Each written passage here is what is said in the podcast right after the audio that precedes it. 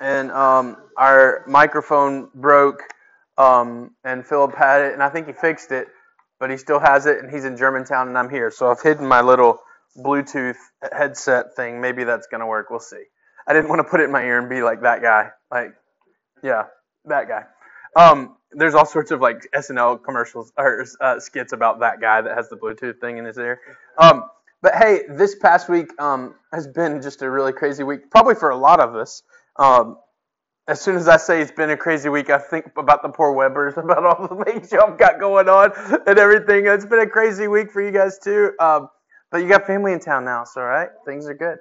Um, but I, uh, Ann and I, it was funny. The girls got asked to be flower girls in a wedding uh, of a former student of ours in Mississippi, and so the girls are going to be in the wedding. And then two weeks later, or two weeks ago, uh, she said, "Hey, will you do a blessing in the wedding?" And I'm like, "Sure." And then like five, no, seven days ago, a week ago, "Hey, Ann, you want to sing in the wedding?" And Ann's like, "Okay, great." And so um, we had a little bit of a crazy week and stuff getting down there. Um, and so it's kind of cool. I r- usually typically pray throughout the entire week. Uh, God, what do you have? What do you have for us? What what is it? And then try not to write anything down until Friday. You know, because I feel like sometimes I'll write things down earlier in the week, and the Holy Spirit just completely jacks it up. It's like, no, you're way off, right? Um, Samsonite. Come on, anybody, right? Yeah, thank you, thank you. Uh, Samsonite. Nobody. Jesse and I are on the same wavelength. All right. Yeah. Yeah. Um, so uh, there's this con- concept of I usually just wait till Friday. Well, we were going to be traveling, had a lot of stuff going on. I didn't know if I'd have my time to really prep, so I wrote on Tuesday um, a message, and then um, literally Thursday night, Friday morning, as I was sleeping, the Lord woke me up and it was one of those things I really don't rem- y'all I'm just being real transparent. I don't remember anything you really said. I just remember him kind of rewriting in my spirit the message like okay. And so I got up and kind of ran everybody. This wasn't my house. It's a friend of ours that we're really close with um, in Mississippi. And I was like, uh, can y'all leave me alone for a little bit? And and rewrote everything. I really feel like the Lord has something for us this morning out of Luke 24. So Luke 24 starts in a unique way. And I don't want us ever to look at Scripture and get used to it. What's the most unique thing that could happen in Scripture? Like the pivotal point, the climax of all of Scripture.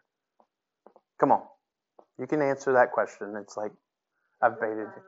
Jesus dying on the cross, but that's just death. Raising from that changed everything. So Luke 24 starts off with this very chaotic you think we're dramatic? Think about this. Um, they didn't let us prepare his body because it was the Passover. So as soon as the Passover's over, let's go and prepare his body. And it's it's a Jewish custom. Egyptians, you know, they would do the crazy mummification kind of stuff. Jewish custom was just really in a reverent manner of um, oils and kind of perfumes, and then just kind of keeping the body clothed was the idea. And so the ladies go that morning, you know. Did we read it this morning? I think we read. Yeah, we read it this morning in the daily reading. There was two men, and the Bible says in dazzling attire. That's really unique, like dazzling attire. And then obviously the angel's like, "Hey, why are you looking for the living among the dead?" And let us never get used to that concept that we're constantly looking for life in dead places, but we don't realize it. We think we're looking for dead things. And Jesus always shows up and provides life. The angels rewrite everything. And so then they go and tell Peter, and Peter's like, ah, I don't know about this. And he runs ahead, you know the story. And the Bible says that he's literally walking away from the tomb trying to process what now what's what's going on and just like you and i would like there's too many there's too many things to i hope and i, I pray and believe that maybe this is reality but what's really going on here? And then we pick up in luke chapter 24 and i'm going to start in verse 13 i'm going to read a few verses and i'm going to stop for a second. Luke 24, verse 13, it says this. That very day, literally, Peter's walking back from the tomb, trying to process, and scripture says, that very day, two of them were going to a village named Emmaus, about seven miles from Jerusalem. And they were talking with each other about all the things that had happened. While they were talking and discussing together, Jesus himself drew near and went with them. But their eyes were kept from recognizing him. And he said to them, What is this conversation you're holding with each other as you walk? And they stopped. I love that scripture says they're no longer walking. They're like shocked. They stop and stand still. And they stood still, looking sad. Then one of them, named Cleopas, answered him, Are you the only visitor to Jerusalem who does not know the things that have happened in these days? And he said to them, What things? And they said to him, Concerning Jesus of Nazareth, a man who is a prophet, mighty in deed and word before God and all people, how our chief priests and rulers delivered him to be condemned to death and crucified him. But we had hoped that he was the one to redeem Israel. Yes. And besides all this, it is now the third day since these things have happened. Moreover, some women of our company amazed us. They were at the tomb early this morning in the morning. And when they did not find his body, they came back saying that they had seen visions of angels who said he was alive. Some of those who were with us went to the tomb and found just as the woman had women had said, but they did not see him.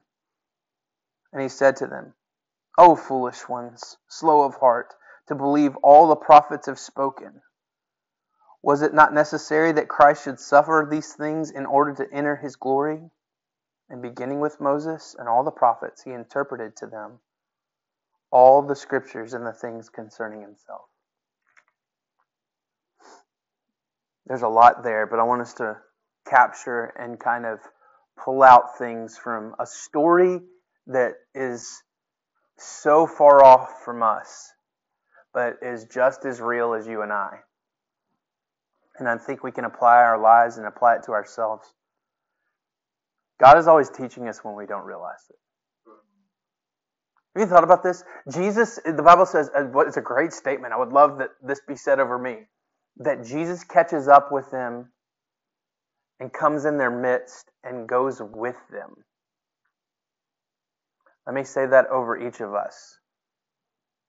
There's a moment when Jesus catches up with Andrew in his midst and goes with him. Sometimes I don't walk with Jesus, but Jesus has to walk with me.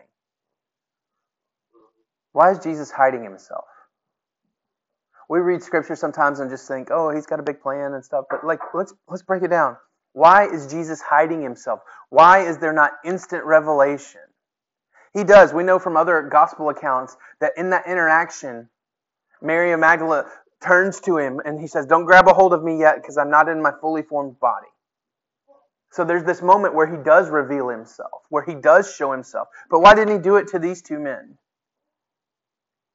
And the way that they speak to him. Have you not heard about the things that have been going on? Um, that feels like the news of the day, doesn't it? Like, have you not seen on Facebook? Have you not watched the news? Like, it's that kind of statement. Jesus came so to be so much more than a headline or a story or a thing that happened. Watch this. Intimate encounters with Jesus make his teachings and the things he did so much more than history. They become the standard of life. If I start to refer to my time with the Lord as things, they become inanimate and non intimate, they become distant. The reason why Jesus was hiding himself was not to pre- was to prevent another thing or headline. He wanted to slowly reveal to them what was going on. What does he want in this situation? He doesn't want the knowledge. He doesn't want the newspaper clipping. He wants their heart to see the thing. Uh, you know the difference. If I have a thing happen in my life and I talk about this thing, but then I start talking about the heart of the thing, it's different. Now, let me give you a for instance.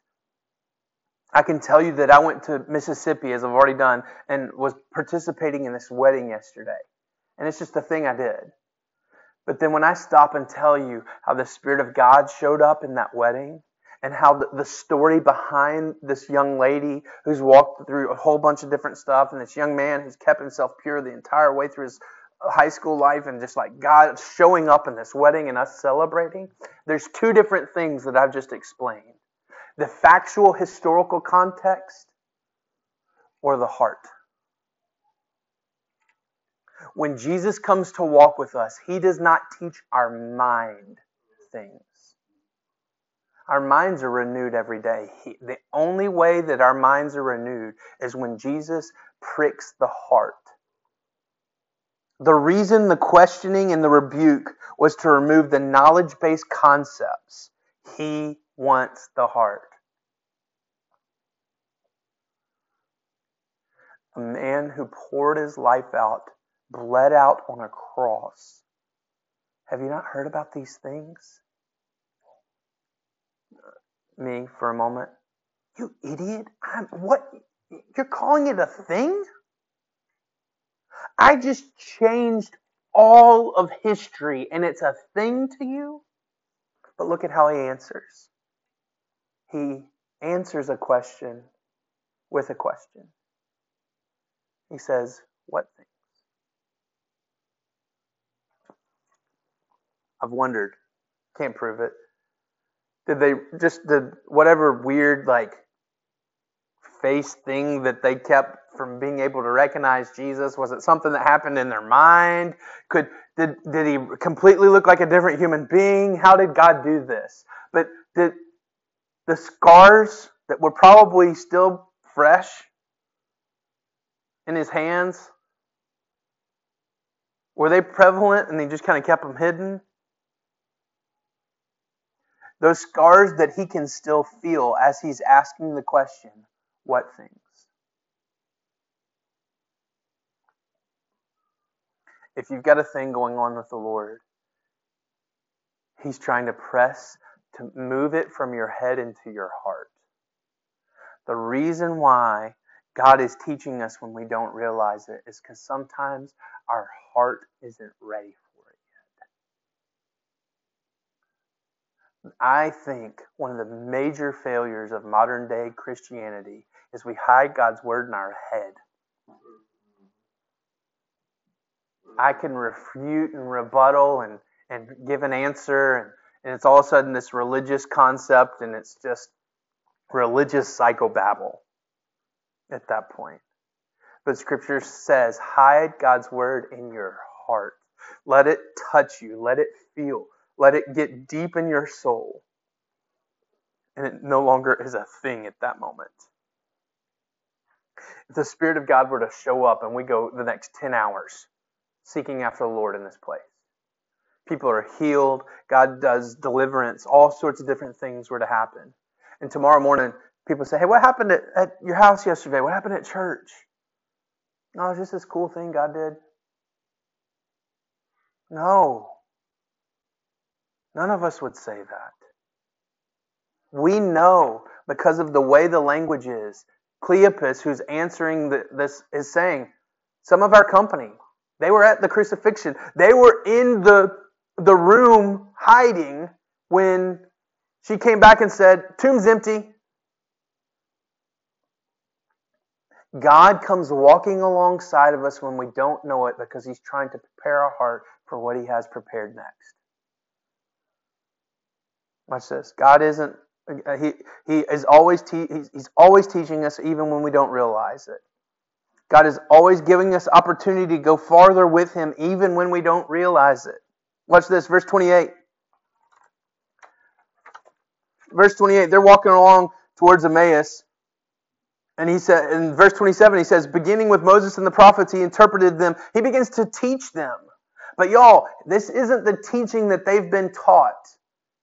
After two or three generations, the this is what God's teaching me. If you were to go and teach what I'm teaching this morning, next week, it, and it hits your heart, it would come out of your heart.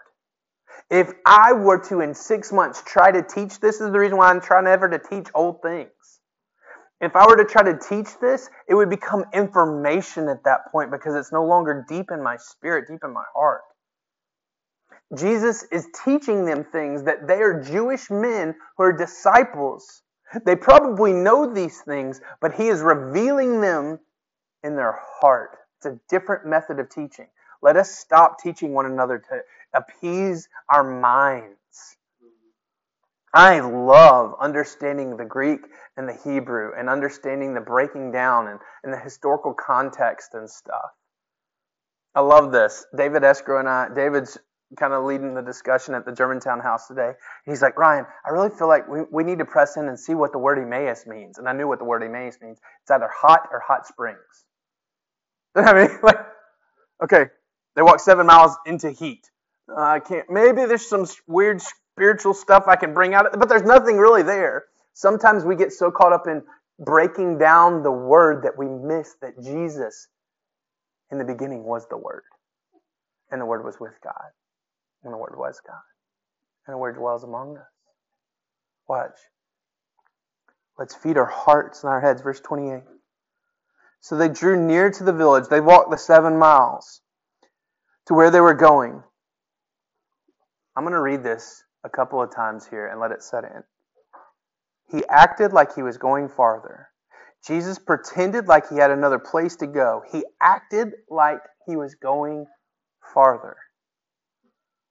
But they urged him strongly, saying, Stay with us, for it is towards the evening and the day is far spent. So he went to stay with them.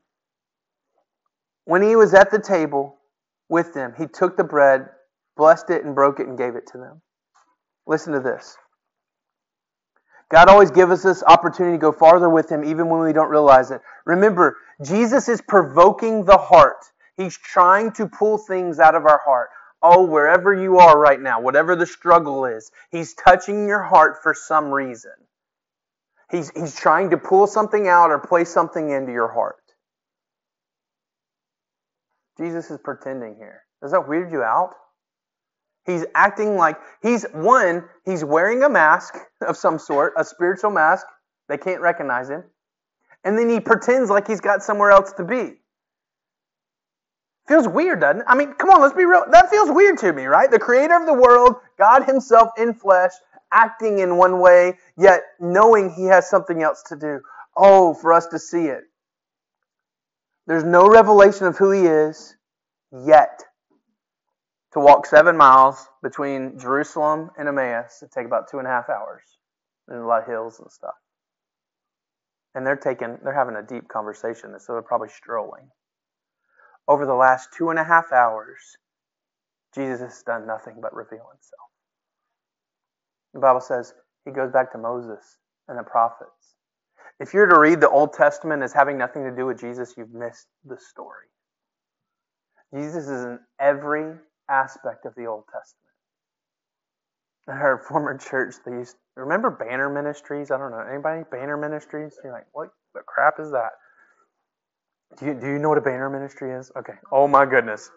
A whole bunch of old ladies that didn't have any other way to serve Jesus, they would go and make banners, and then the church would carry the banners out.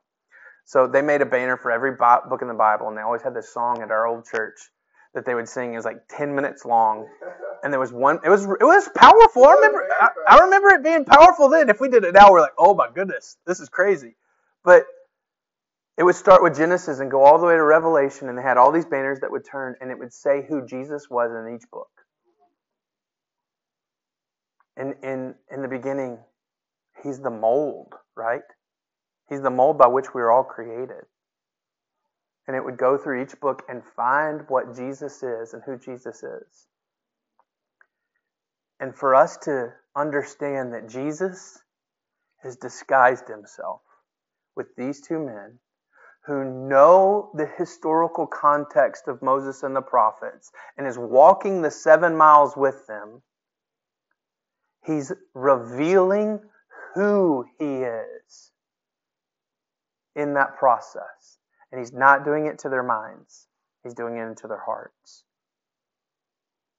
And then when they're done, they get to Emmaus. Jesus acts like he, he's going to go. He's got to go somewhere else. Watch this. He didn't have to go farther, but he wanted to see if they wanted to go farther. Now, their journey was done.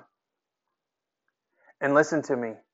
Sometimes we walk through a struggle and our journey gets to the point of being over, and Jesus gives us an opportunity and saying, You want more? Jesus had said, All right, I'm going to go to this next town. And he's pretending, he's giving opportunity to go away from them. And they're saying, Uh uh-uh, uh we want more.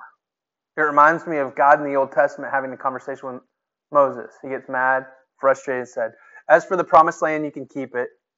Y'all can go on. The, uh, the angels will protect you, and, and my blessing will be with you. I just won't go with you. And Moses says, where you go, I go. Like, I'm if you stay, I'm staying. If you go, I'll go. We are your people, you are our God. We're not going anywhere. And God blesses him. And then what does Moses say? I want more. Show me your glory. Is what Moses says. Jesus gives the same opportunity here. Have you ever heard this statement? Sin will take you farther than you want to go, keep you longer than you want to stay, cost you more than you want to pay. I heard this. Jesus will take you as far as you want to go, keep you as long as you want to stay, cost you everything, but it's worth the pay. Think of this.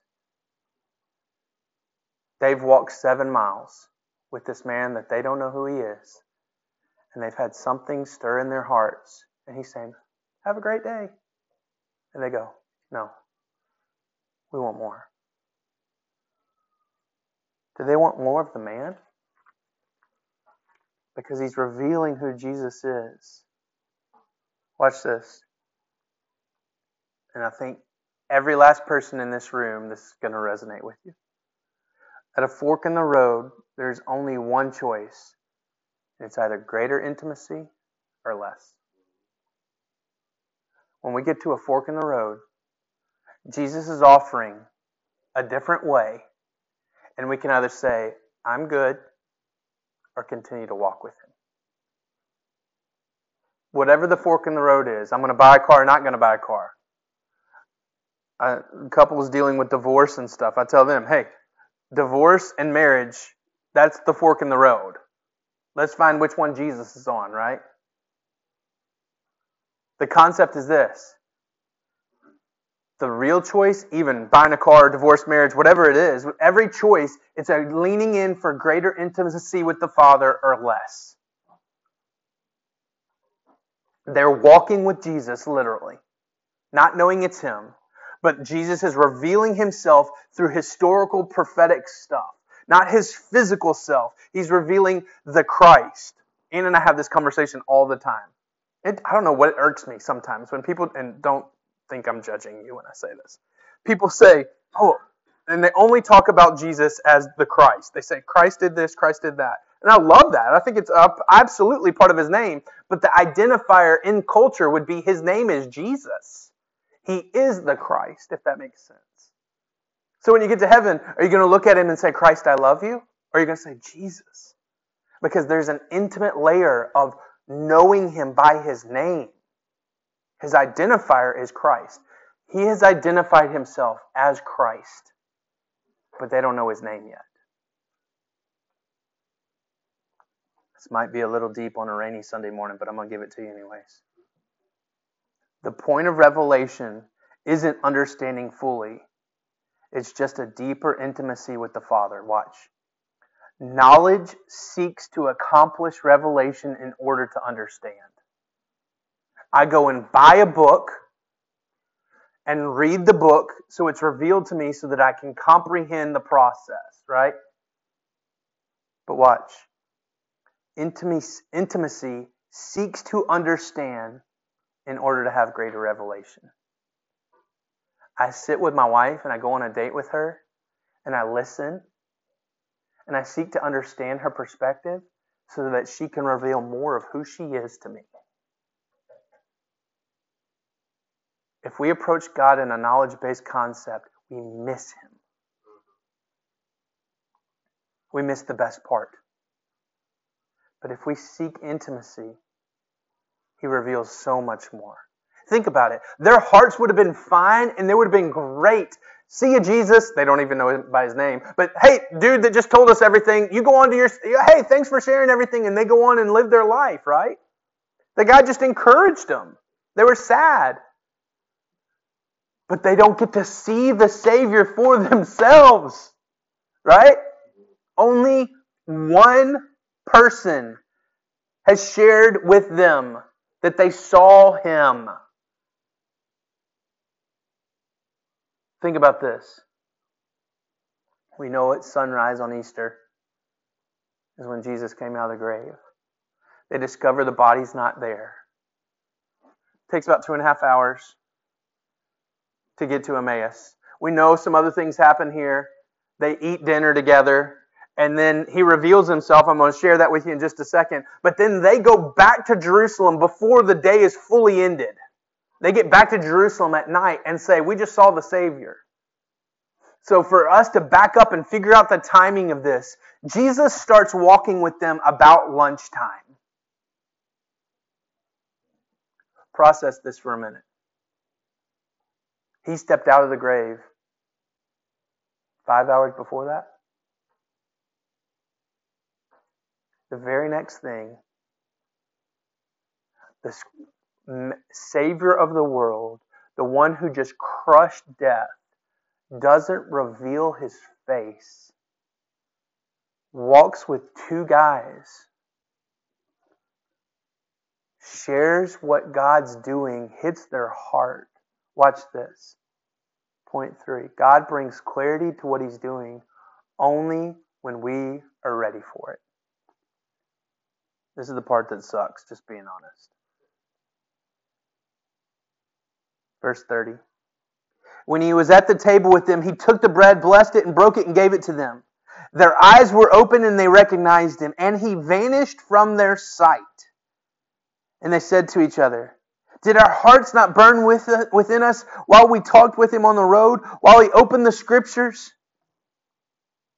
And they rose at the same hour and returned to Jerusalem.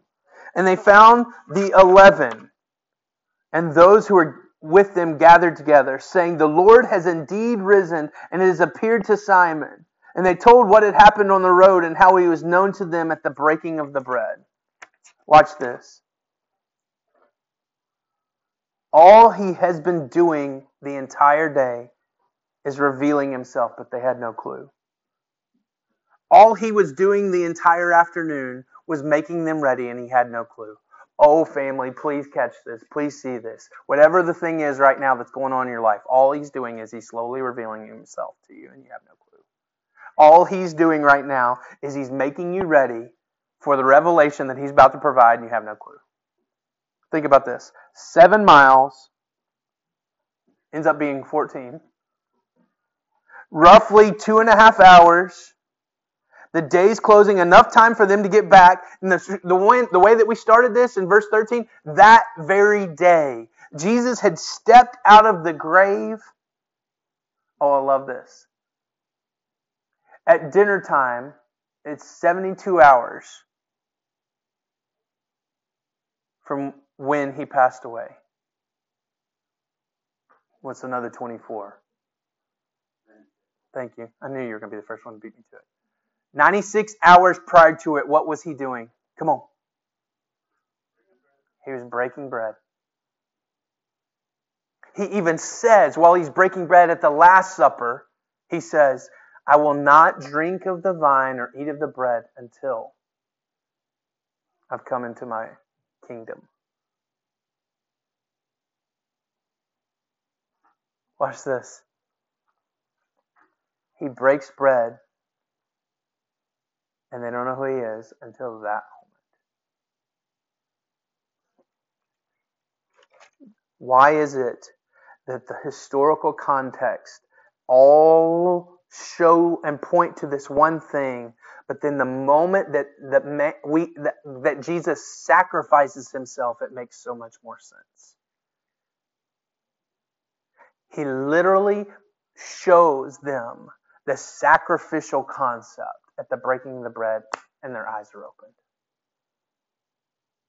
I love this. The Last Supper, it was confusion and sadness. Now, wait, what are you about to do? Why did you just let him go betray you? Is that what you said? And then the First Supper. I love call it. We don't call it the First Supper, but this is the First Supper. It's the first time he's eaten since then. Clarity and joy. From breakfast in an empty tomb to dinner in Emmaus, Jesus had a plan, and it was all revolving around our hearts. What do they say when they come back? We've seen the Lord. What did they say when Jesus walked up? Have you not heard about these things? It's no longer headlines to them. It's intimate interaction. It's no longer a Facebook meme that's encouraging. It's this is what God said to me this morning. It's no longer Ryan's pre chewed message that's impacting my spirit. It's what God's revealing to me in this moment right now. Please be encouraged by Facebook memes. Please be encouraged by the teaching of God's Word. But please, please, please let revelation and intimacy happen with you and the King of Kings. They say this Simon was right. Think about if you're Peter. Hey, it really is empty. Are you sure? Think about if you're Thomas. No, it's not. And then all of a sudden the doors bust open. Cleopas and Fred, let's call him Fred. I don't know, we don't know his name. Fred, they're from Emmaus, from a place that's really hot. They're probably sweaty, right? Like they've come running back. Like they made it in two and a half hours and 15 minutes running back, right? Like they came back fast. And they're like, yo, we we just spent the whole afternoon with. If I could give you an action point, more of a challenge that ultimately should turn into an action point. When's the last time that you spent such a powerful moment with the Lord that you had to tell somebody? And what would it do to them? It would confirm the thing that the Lord had done in the morning for them as well. Simon's struggling, like, y'all, we need to go back and look. I know, surely, yeah, it was, it was him. We didn't see it. There's an empty grave.